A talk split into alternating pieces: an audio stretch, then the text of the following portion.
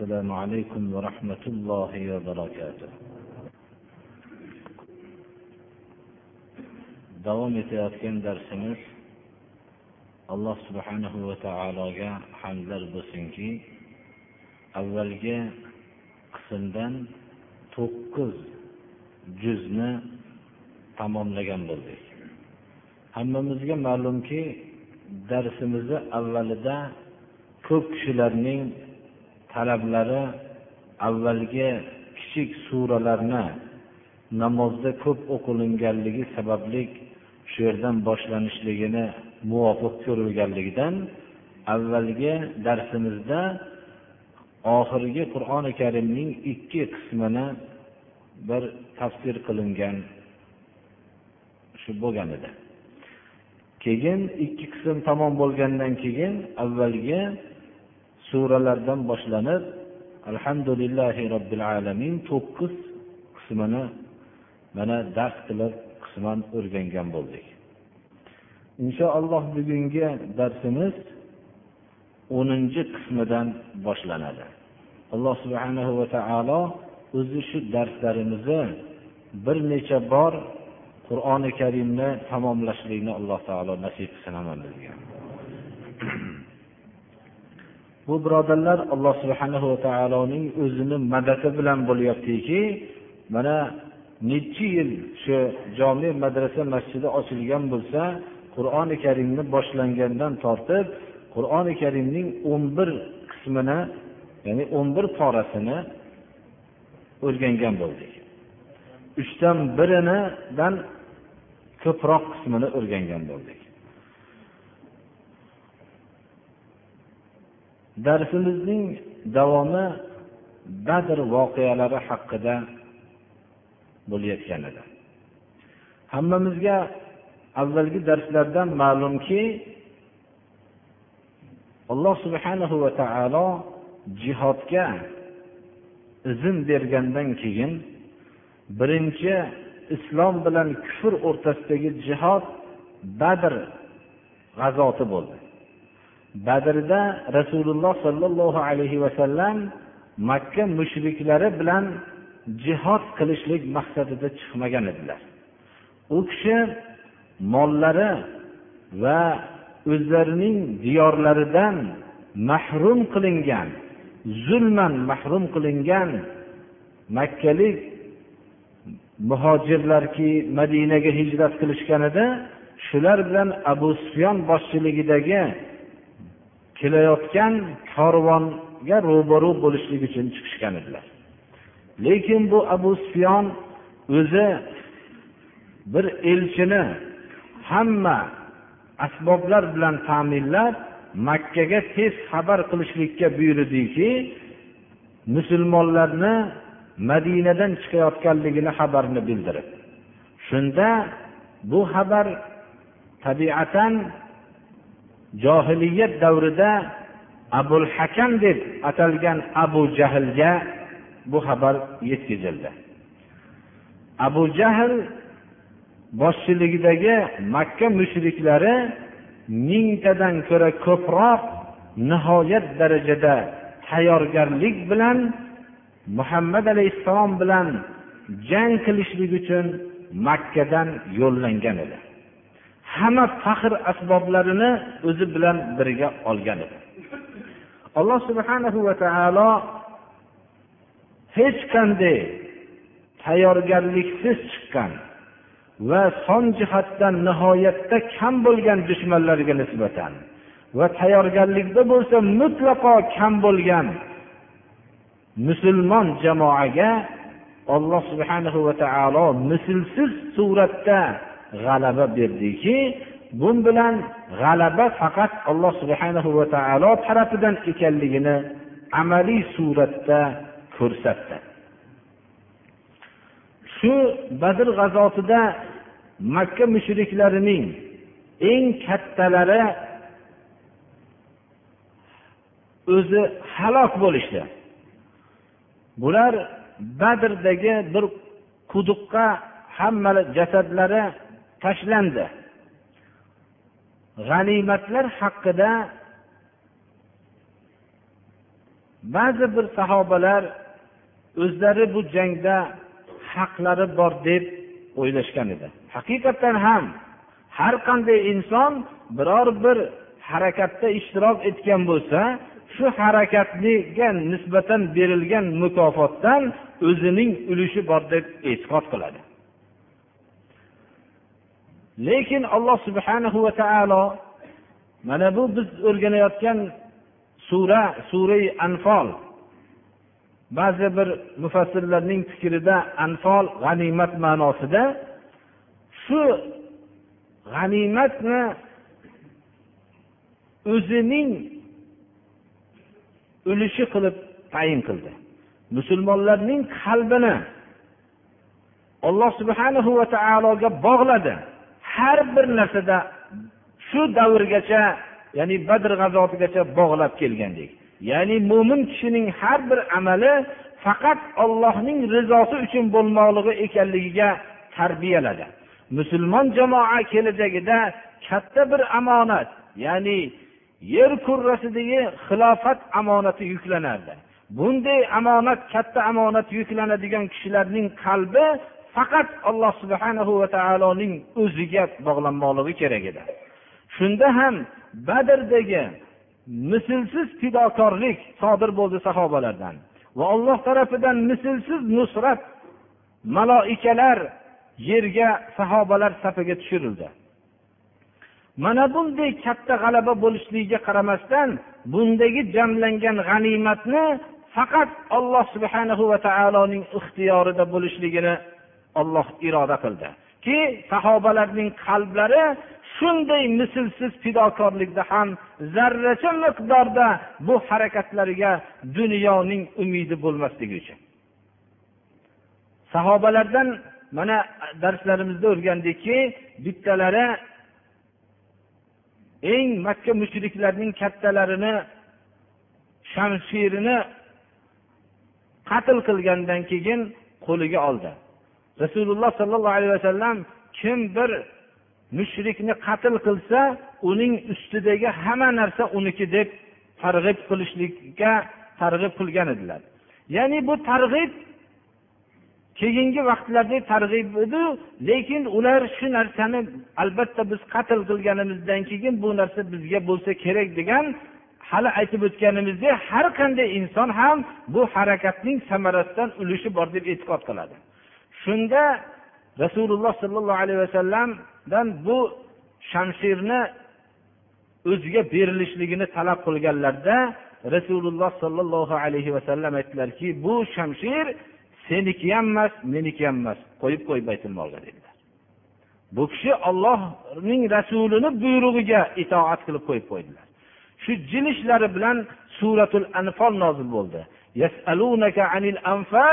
قل الأنفال لله والرسول فاتقوا الله وأصلحوا ذات بينكم وأطيعوا الله ورسوله إن كنتم مؤمنين anfol g'animatlar haqida so'rashadi tafsirning bir ma'nosida siz aytingki bu anfol g'animatlar olloh va rasuliniki ana endi qalblar faqat olloh uchun bo'lgandan keyin g'animatning ixtiyorini rasuliga berdi alloh taolo Olloh rasuli ya'ni rasululloh sollallohu alayhi vasallamning ixtiyorlarida bo'lib qoldi taqsim qilish. Shunda chaqirdilar. Shu oyat nozil bo'lishi bilan chaqirdilar. Hali sen shu shamshirni so'ragan eding men meni mulkim emas edi menida ixtiyor yo'q edi berolmagan edim. Endi menga shu oyat nozil bo'ldi ixtiyor menda bo'ldi shu shamshirni ol seniki dedilar. Qalblar faqat ollohni rizosiga bog'landi. Ana endi u qalbning shunday qalb egasining qo'lida dunyo bo'lishligi zarar qilmaydi endi. Dunyoning qo'lda bo'lishligi zarar qilmaydi har qancha ko'p bo'lsa. Ammo qalbda ozgina dunyo bo'lsa ham qalbda bo'lishligi zarar qiladi.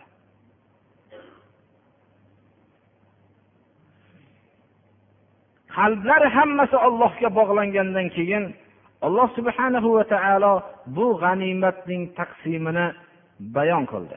Bugungi darsimiz shu taqsim haqidagi va badr voqealarining ba'zi bir ko'rinishlarini alloh subhanahu va taolo bizga bayon qiladi. Va bu badr g'azotining bo'lishligi ollohning irodasi bilan bo'lganligi va allohning tadbiri bilan bo'lganligini va bu tadbir alloh subhanahu va taoloning nusrat qo'lida ekanligini bildirganligini bayon qiladi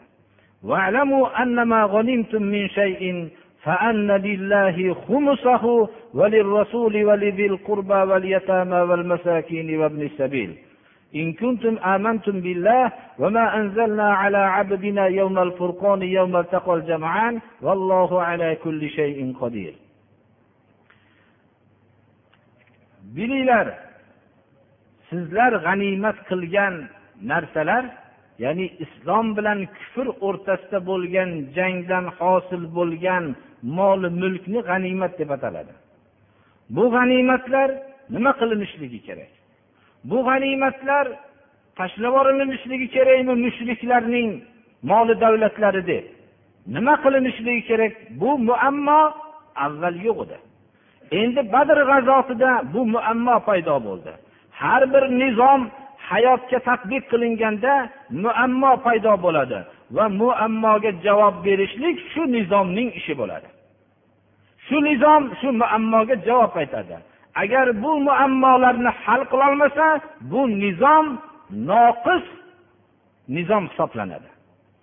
Muammoning har qanday hayotda bir hayotga bir nizomni tadbiq qilinishligidan muammo kelib chiqadida bu muammoning yechimi shu nizomga mas'uliyati yuklanadi. Islom alloh subhanahu va taolo tarafidan komil nizom bo'lar ekan. Bu nizom yigirma uch yil davrida komil bo'ldi va hayotning hamma muammosini hal qildi. Qiyomatgacha bo'lgan muammolarni bayon qildi. Agar alloh subhanahu va taolo tarafidan bo'lmaganda bunchalik qisqa muddatda tamomiy bashariyatning qiyomatgacha bo'lgan muammosini hal qilishlik mumkin bo'lmasdi. Mana hozirgi nizomlarki haftalarda balki oylar yillar bu uzoqlashmasdan har kunda ham o'zgarib boradi. Chunki inson o'zining hayotini ko'rishlikda noqis ko'radi. Inson tarafidan o'ylab chiqilingan nizom har qanday holatda noqis bo'lib qolaveradi o'ziga o'xshagan. Alloh subhanahu va taolo hayot nizomini tashkil qilishlikni inson ixtiyoriga bermadi. Chunki inson ko'rganda o'zini oilasini hayotini manfaatini o'ylab nizom tuzib qo'yadi. Undan kengaysa mahallasi undan kengaysa nohiyasi undan kengaysa o'zining viloyati undan kengaysa o'zining mamlakatini manfaatini o'ylaydi. Undan kengaysa o'zining millati o'zbek xalqi yoinki tojik yo qirg'iz xalqini o'ylaydi. Ammo undan ham kengaysa yer kurrasidagi hamma xalqlarning manfaatini ma'lum bir davrdesini o'ylolmaydi bu mumkin emas bo'lsa ham agarki muhol tariqasida bo'lsa ham misol keltirganimizda. Ammo o'zining davridan qiyomatgacha bo'lgan davrni o'ylashlik insonga hech bu mumkin emas narsadir. Shuning uchun ham inson ixtiyoriga alloh subhana va taolo hayot nizomini tuzishlik ixtiyorini bermadi. Alloh subhana va taolo bu ixtiyorni rasuliga ham bermadi. O'zi tarafidan jo'natdi mana bu rasululloh sollallohu alayhi vasallamning vazifalari omonat bilan yetkazishlik bo'ldi. Bu nizom qur'oni karim va u qur'oni karimning bayon qiluvchi sahih rasululloh sollallohu alayhi vasallamning hadisi muboraklaridir. Chunki rasululloh sollallohu alayhi vasallam sifatlari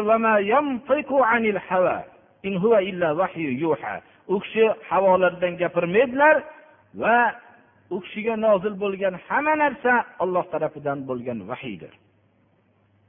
Shuning uchun ham badr g'azotida bu muammo kelib chiqdi. Muammo g'animat muammosi edi o'tgan payg'ambarlarga g'animat halol qilinmadi. O'tgan payg'ambarlar g'animat tushgan g'animatni olib kelib o't yaqishardi. Bu o't yondirib yonsa shamol kelib qattiq kuchli suratda yonsa va uchib ketsa bu qilgan amallarining qabuliyatiga dalolat qilardi. Shuning uchun ham ular payg'ambarimiz sollallohu alayhi vasallamga bular shunday narsalarni ham hujjat qilishib keltirganki biror bir qurbonlik qilsa ham ular bir qurbonni olib kelishardilarda shuni so'yishsa shu o't kelib shuni yondirib yo'qotib shamol uchirib tashlasa shu bilan qurbonliklari qabul bo'lgan bo'lardi. Rasululloh sollallohu alayhi vasallamga besh narsa halol qilindi. Bundan besh narsadan bitta imtiyoz ya'ni beshta xususiyat berildi. Shu beshta xususiyatdan bittasi g'animatlarning halol qilinishligidir islom bilan kufr o'rtasida bo'lgan jangdan kofirlarning moli mulki musulmonlarning qo'liga tushishligi bilan bu narsa halol bo'ldi. Va buning taqsimini mana bu oyat bayon qiladiki bilinglarki sizlar g'animat qilgan moli davlat bular taqsimi alloh subhanahu va taoloning va rasulining haqqi bor. Beshdan beshga bo'linadi. Bir qismi olloh rasuliniki albatta alloh subhanahu va taoloning hojati yo'q. Buni rasululloh sollallohu alayhi vasallam oladilar. Va beshdan to'rt qismni lashkarlarga hammasiga taqsim qilinadi. Otliq lashkarlarga ikki ulush piyodalarga bir ulush suratda taqsim qilinadi. Chunki otliq lashkarlar o'zining otini bilan ko'p ish qilishadilar va o'zlarining otlarini tarbiya qilishlik uchun ham moli davlat sarf qilishadi. Beshdan bir qismni rasul sollallohu alayhi vasallamning ixtiyorida bo'ladi. Bu ixtiyordagi beshdan bir qism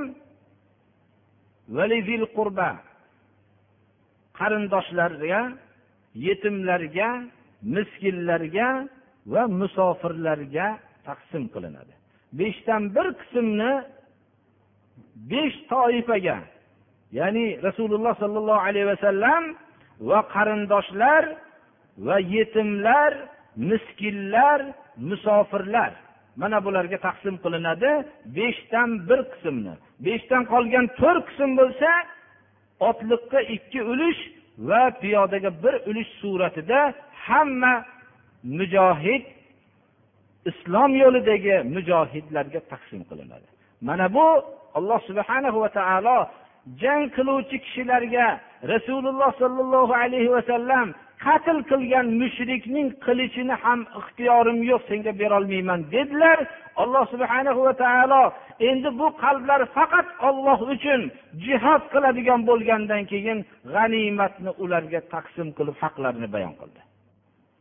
Bu hikmatni biz bilmoqligimiz kerakki qachonki alloh subhanahu va taologa qalbimizni bog'lasak shundagina bizga kelgan dunyo foyda qiladi.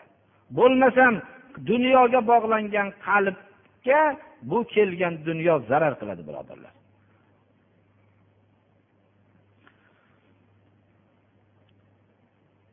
alloh subhanahu va taolo mana bu joyda bir qaydni keltiryapti إن كنتم آمنتم بالله وما أنزلنا على عبدنا يوم الفرقان يوم التقى الجمعان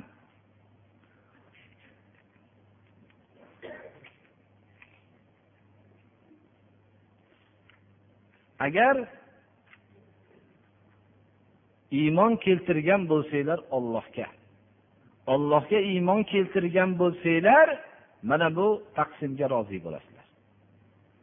Va biz bandamizga yavmal furqon haq bilan botilni ajratgan kun badr kunida biz bandamizga nozil qilgan g'animatlar haqidagi taqsimga iymon keltirib ishonib buni ollohni buyrug'i deb qabul qilsanglar mana bu taqsimimizga rozi bo'lasizlar.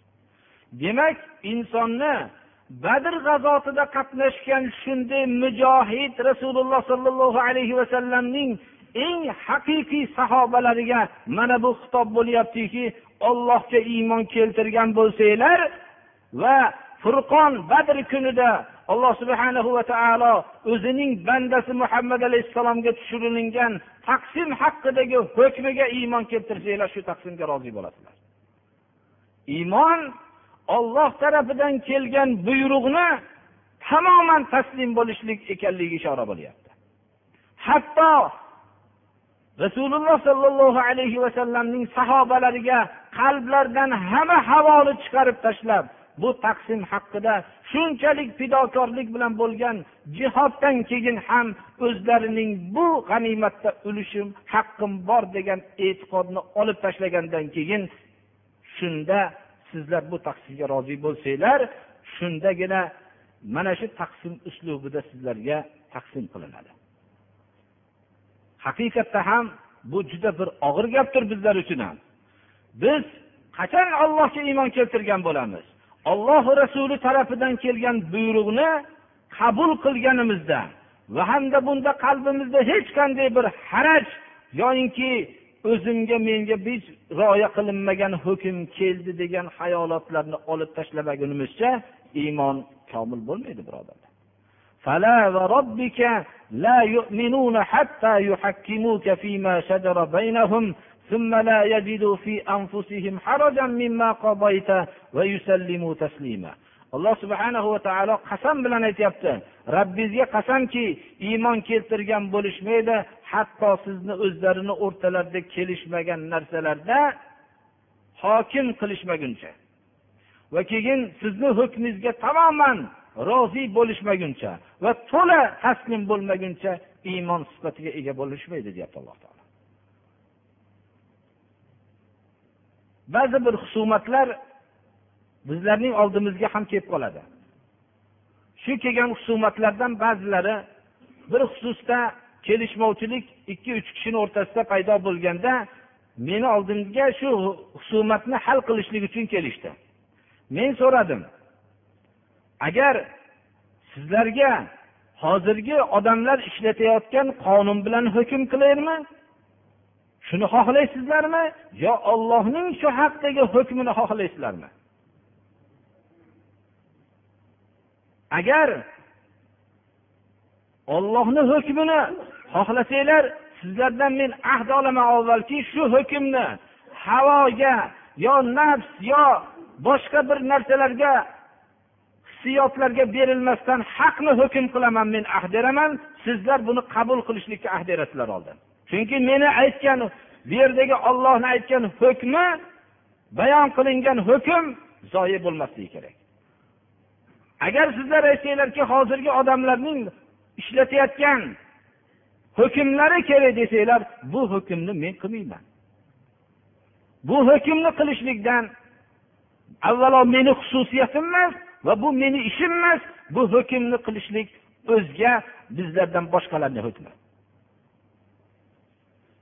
Mana bu vaqtda inson o'zini bir tekshirib ko'rishligi kerak. Bu hukm birovlarga joriy bo'lganday taslim boshqa o'zining qaramog'iga joriy bo'layotganday hukm boshqa xususan o'zining qaramog'idagi kishilarga zarar bo'layotgan zohiriy suratda zarar bo'lmaydi birodarlar. Ollohni hukmi bilan bo'lgan hukm zarar bo'lmaydi. Lekin bizning davrimizdagi muammo mushkulot shuki odamlar iqtisodiy topgan zararlarni zarar deb bilishadilar xolos. Agar bir kishi olloh saqlasin turmush qilgandan keyin zinoga giribtor bo'lgan bo'lsa uni shariat hukmi qonuni toshbo'ron qilib o'ldiriladi mana shu hukm ham shunga foyda bo'ladi birodarlar. Shunday tushunmoqligimiz kerak. Ming afsus bo'lsinki bizni davrimizdagi hukm foyda degan narsa faqat iqtisodiy foyda o'tayotgandagina foyda deymiz. Shuning uchun bu husumatlarni agar ollohni hukmini talab qilingan bo'lsa bu boshqa gap. Undan tashqari hozirgi vaqtdagi kelayotgan muammolarning ko'pi birodarlar islom nizomini hayotdan surib tashlashlik natijasida vujudga kelgan. Islom nizomini masxara qilinsa islom nizomini hayotda unga o'rin berilmasa islom nizomini kulgi qilib yurilsayu biror bir muammo vujudga kelsada uning ahli islomdan talab qilinishligi bir tomonlama kulgili bo'lsa ikkinchi tomonlama islomga haqorat hamdir birodarlar. Chunki mantiq shunday deb javob beradiki hayotga oldin bir muammo kelib chiqadimi yo'qmi bu nizomni tadbiq qilinglar. Hayotga bu nizomni tadbiq qilaylikki bu muammo kelib chiqadimi yo'qmi? Hozirgi vaqtda misol qilib olganimizda o'g'rilarni qo'lini kesilishligidan hamma qo'rqadi. Chunki juda ko'p odam qo'ldan mahrum bo'lib qoladi. Dedi islomda o'g'rini qo'lini kesishligi haq lekin bu degan so'z ushlab hamma o'g'rini olib kelib qo'lini kesilaveradi. U islom nizomini islom dushmanlari ko'rsatayotganda tamomiy jodular qaynab turgan dog'ib turgan yog'lar qozonlar qaynayotgan vahshiy bir holat deb ko'rsatishmoqchi bo'ladi. Nima uchun? Juda ko'p odamlarning o'g'ri bo'lib ketganligiga va juda ko'p odamning qo'lini qir qilishligiga sabab bo'ladi bu nizom deyishadilar. Bu jaholat birodarlar. Biz ularga javob beramizki avval sizlar hayotga islom nizomini to'la tadbiq qilinglar. Chola emas. O'zinglarga bo'layotgan zarardagina islom sizlarga kerak bo'lib qolmasin. Balki islomning hayotga to'la tadbiq qilinglar. Odamlarning qalbini iymon bilan to'ldiringlar. Qorinlarini ularning butun taom bilan to'ldiringlar. Shundagina keyin qaranglarki ollohdan qalblarini qo'rqadigan qiyomat kuni o'g'rilarning jazolarini biladigan jamiyatni vujudga keltiringlar. Keyin qaranglarchi bir o'g'ri bormikin yo'qmikin qo'lini kesiladigan. Ana shunda ham oz narsani o'g'irlash emas ma'lum bir miqdor borki shu miqdorda qiymatdagi narsani o'g'irlagandan keyin buni dalil bilan isbotlangandan keyin o'g'rini qo'li kesiladi. Buni biz hech tortinmasdan aytamiz. Lekin ular o'g'rilikni faqat kambag'allikdan vujudga keladi degan falsafani o'ylashgan va odamlarning iqtisodiy tarafdan ta'minlaganimizdan keyin o'g'ri yo'q bo'lib ketadi deyishgan iymon haqida o'ylashmagan iqtisodiy tomondan ta'minlangandan keyin nihoyat darajada hayotda hech uchramagan o'g'rilar vujudga keldi. Aksar o'g'rilarni tekshirib ko'rsangiz iqtisodiy tarafdan biror bir katta mahallani ta'minlashga qodir bo'ladigan mulki bo'lgan odamlar o'g'irlik qilyapti. Demak bu iqtisodiy tarafdan ta'minlanishligi bilan o'g'rini ko'payishligiga sabab bo'linadi xolos birodarlar. Bu narsaning noto'g'ri falsafa ekanligini hamma bildi buni. Shuning uchun ham avval hayotda islom nizomini hayotga tadbiq qilaylik keyin bilaylikki bu o'g'ri vujudga keladimi? Yo'qmi? Uni qo'lini o'g'rilikka uzatayotgan vaqtda ollohdan qo'rqish va qiyomat kuni dahshatlarni qo'rqish va qiyomatdagi sharmandaliklardan qo'rqish va undan tashqari qo'lini qirqilishligidan qo'rqishlik bu o'g'rilikdan uni tiyadi. To'g'ri ba'zi kishilar hech oxiratni zikr qilishlik bilan o'g'rilikdan tiyilmaydi. Ularni islom nizomidagi jinoiy jazo uni o'g'rilikdan tiyadi. Bir umr qo'lini yo'q bo'lib yurishligi uning ko'chada ketayotganda ham o'g'ri ekanligini aytilmasa ham bu belgi bo'lib turishligi uni bu sharmandalikni o'ylashligi o'zi o'g'rilikdan tiyadi. Ammo islomni hayotda kulgi deb turib kulgi masxara qilib turib boshqa nizomni tadbiq qilib turib o'g'rini hamma yoq o'g'ri bo'lib ketgandan keyin o'g'rini qo'lini kesishligi haqida islomni shu hukmi qiyin axir buni tadbiq qilib bo'lmaydi deyishlik bu jaholat va hamda islomga masxaradir. Bu misoli shunga o'xshaydiki holvani hakim yeb kaltakni yetim yeyishlikdan boshqa narsa emas bu. Shuning uchun ham mana bu muammo g'animatlarni taqsim qilishlikka avval muhtojlik yo'q edi. Islom nizomi hayotga tadbiq qilindi. Islom bilan kufr o'rtasida jang bo'ldi. Bu badr g'azoti bo'ldi birinchisi.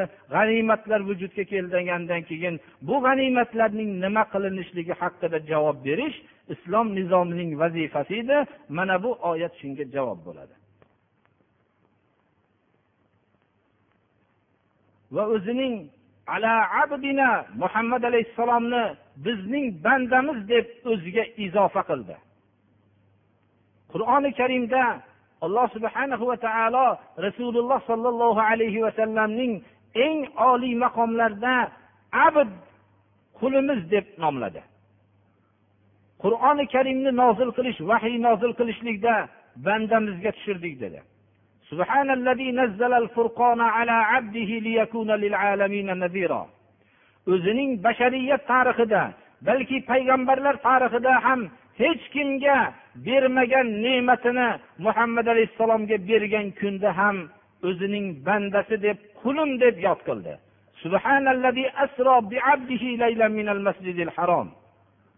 Va badr g'azoti ham mislsiz bo'lgan o'zining ne'matini berdi. Tayyorgarlik va son jihatidan misli ko'rilmagan darajadagi mushriklarning katta jamoasiga hech qanday jangga tayyorgarligi yo'q va son jihatidan nihoyatda oz bo'lgan yangi barpo bo'lgan madinadagi islom hukumatchasi kichkina bir hukumatini o'zi jang maqsadida chiqmagan jamoaga yordam berganda ham haq bilan botil ajralgan kunda bandamizga tushirgan hukmga iymon keltirsanglar deb ala abdina va ma anzalna ala abdina yawmal furqon deb izofa qildi. Insonning eng oliy maqomi ollohga banda bo'lolashlik kun ekanligiga ishora qilyapti bu oyatda.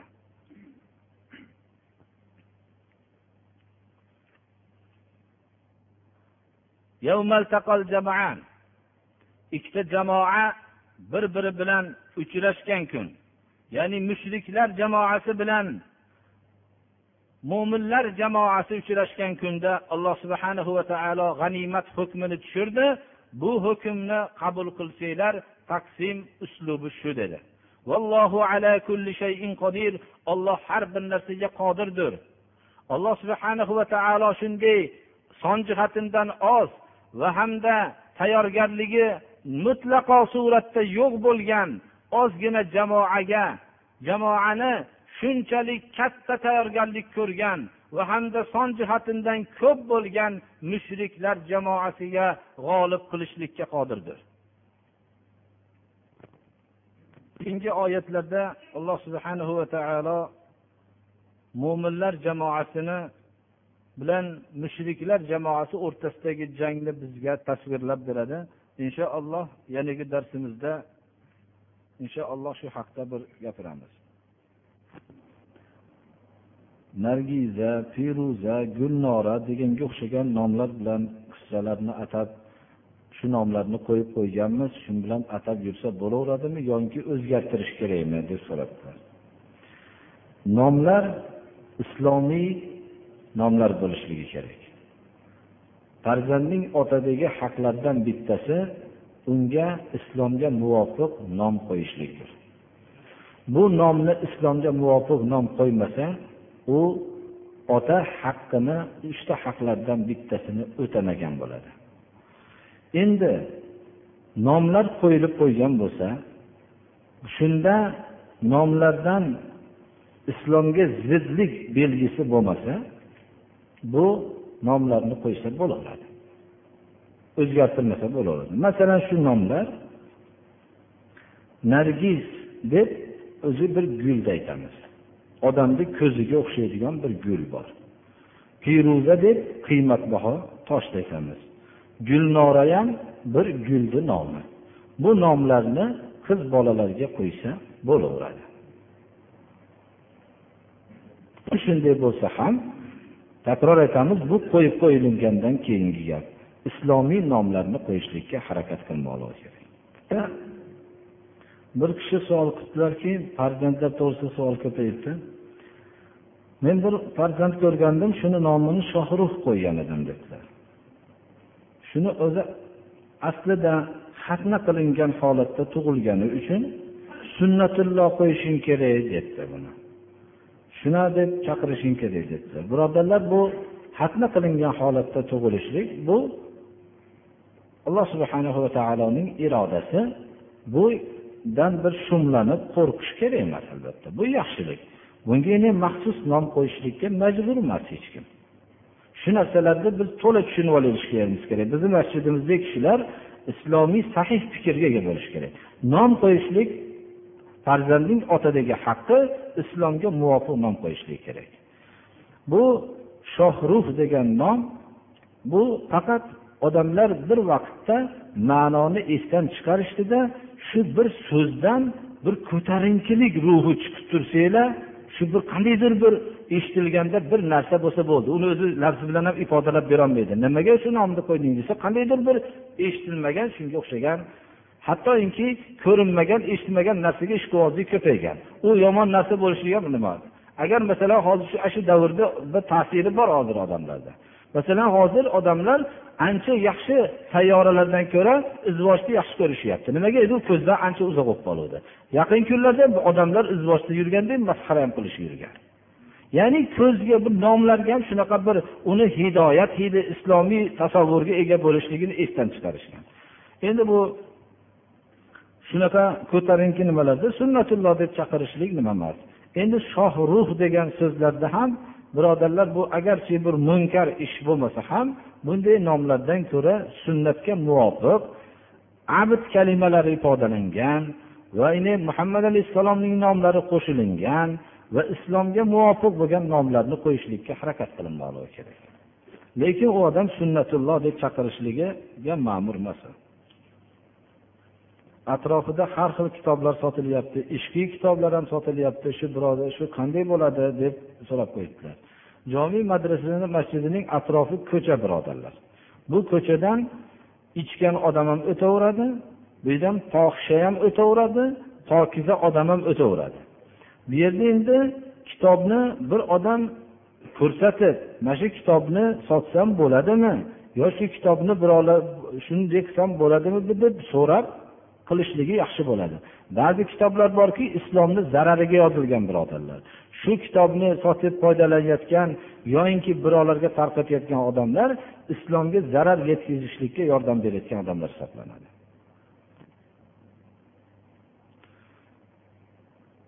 Ya'ni bir yarim yil davomida bir birini ko'rmagan holatda yashasa er kishi islomda bo'lmagani sababli ayol birga yashashni xohlamasa ya'ni islomda bo'lmasligini aniq bo'lsa nikoh bog'lanmaydi birodarlar.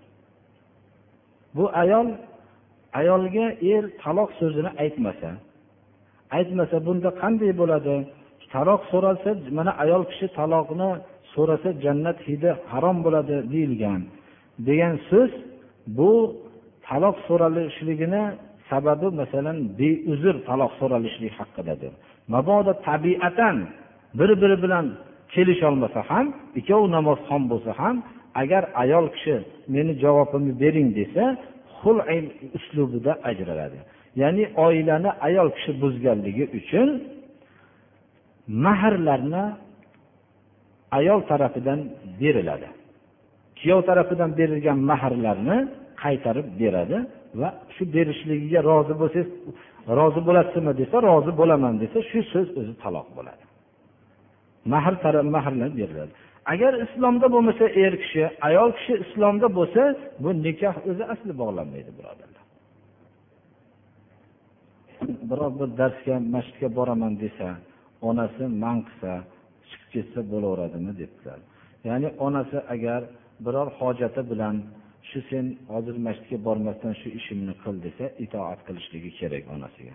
Lekin shu onasini tushuntirishligi kerak islomda o'rganayotganligini ya bu bilqis ya'ni shuni taxtini olib kelishlikda shunda ko'z o'rningizdan turgunizcha men olib kelaman deb bir jinlarni bir xizmatkorlari shunday dedilar. Ikkinchisi ko'zingizni ochib yumgunizcha oldingizda hozirlab qo'yaman dedi. Shu oyatni tafsirida ko'p odamlar o'zlaricha lekin sahih emas ismi azamni bilgan. Shuning uchun bir oylik masofadan ko'z ochib yumguncha shu taxtni olib kelgan dedi. Lekin biz birodarlar ismi azamni ko'p odam o'rganmoqchi bo'lgan odamlar bir shu dunyo topish va boshqa uchun o'rganishga harakat qilishadi. Ismi azamni bir odam bilmay ketsa hech qanday qiyomatda savol javob bo'lmaydi bu haqda. Shuni yaxshi bilishimiz kerak. Va ismi azam haqidagi so'zlar bu ixtilofli so'zlar. Juma kunida bir daqiqa borki shu daqiqada mo'min kishi shu to'g'ri kelib duo qilsa duosi ijobat bo'ladi mana bu hadislar sahih hadislar. Mana bu narsalarga urinishimiz kerak biz. Namozga o'tib desa bo'ladimi? Albatta masalan fosiq deb shuni aytadiki goho namoz o'qib namoz o'qimaydigan ola namozda fosiq deydi. Undan keyin mast qiluvchi ichimlikni ichaveradi ham yuraveradi ham. Shunaqa odamni o'zi masalan kashandalik shunaqa narsalarda butun afyunu shunaqa qoradori shularni ichib ichmay shu uni halol demayishadi agar halol desa dindan chiqib qoladi birodarlar. Olloh harom qilgan narsani halol deb qo'ysa dindan chiqib qoladi. Shuning uchun bunaqa fosiqlarga imom bo'lib o'tib bersa ham bo'ladi bu. Ya'ni shularni hammasini namozga jalb qilib shunday yaxshi ish qilgan bo'ladi. Subhanahu va taolo bu yerda uchta taxatlar bor ekan. Dadalari betob ekan alloh taolo shifo bersin. Ba'zilarni volidalari betob ekan alloh taolo shifo bersin. Bemorlarni hammalariga mo'minlariga alloh taolo shifo bersin. Alloh taolo qur'oni karimda o'zining jin va inson toifasini nima maqsadda yaratganligini bayon qilib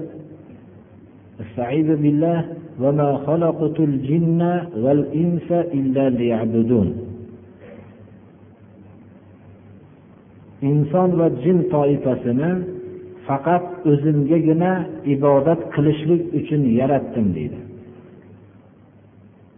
Biz ibodat qilishlikning o'ziga ma'mur bo'lgan emasmiz.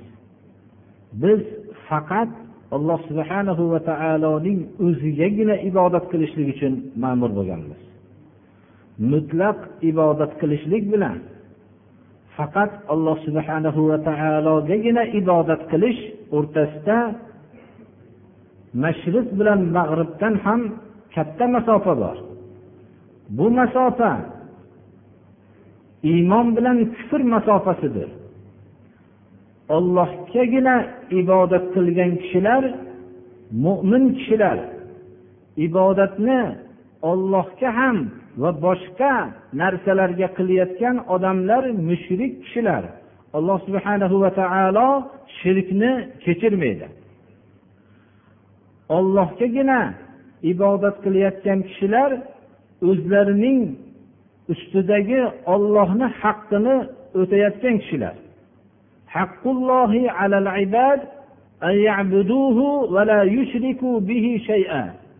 Alloh subhanahu va taoloning bandalar ustidagi haqqi ollohgagina ibodat qilishliklari biror narsani sharik qilmasdan ya'ni ollohga nabiyni ham sharik qilinmaydi farishtalarni ham sharik qilinmaydi jinlarni ham sharik qilinmaydi tog'larni ham sharik qilinmaydi. Toshu butun buloq boshqa narsalarni mozorlarni sharik qilinmaydi. Qaysi bir odam o'zining ibodatida ollohga biror narsani sharik qilsa bu odamni alloh subhanahu va taolo kechirmaydi. Va uning joyi jahannamdir.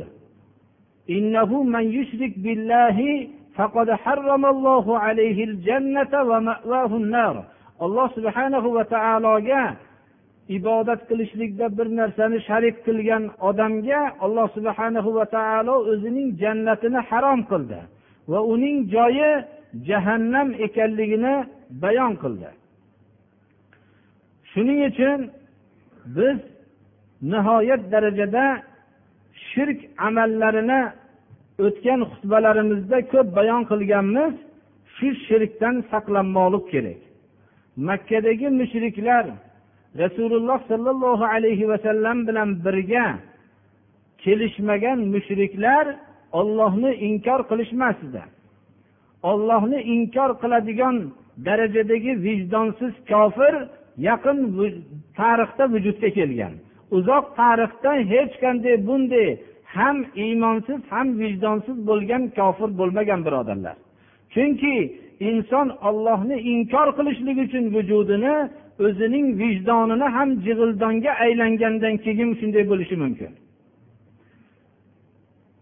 Ular ollohni inkor qilmasdi balki ollohni bor deyishardi. Bor debgina qolmasdan ollohni rizq beruvchi sifatini isbot qilishardi. Alloh subhanahu va taoloni koinotu yerni boshqaruvchi zot deb bilishardi. Lekin qilgan ibodatlarini ollohni o'zigagina qilishmasdi ular ollohga ham ibodat qilishardi birodarlar lekin ibodatini faqat ollohni o'ziga qilishmasdi biz ibodatni faqat alloh subhana va taoloning o'ziga qilishlikka ma'murmiz إلا ليعبدوا الله مخلصين له الدين حنفاء ويقيموا الصلاة ويؤتوا الزكاة وذلك دين القيمة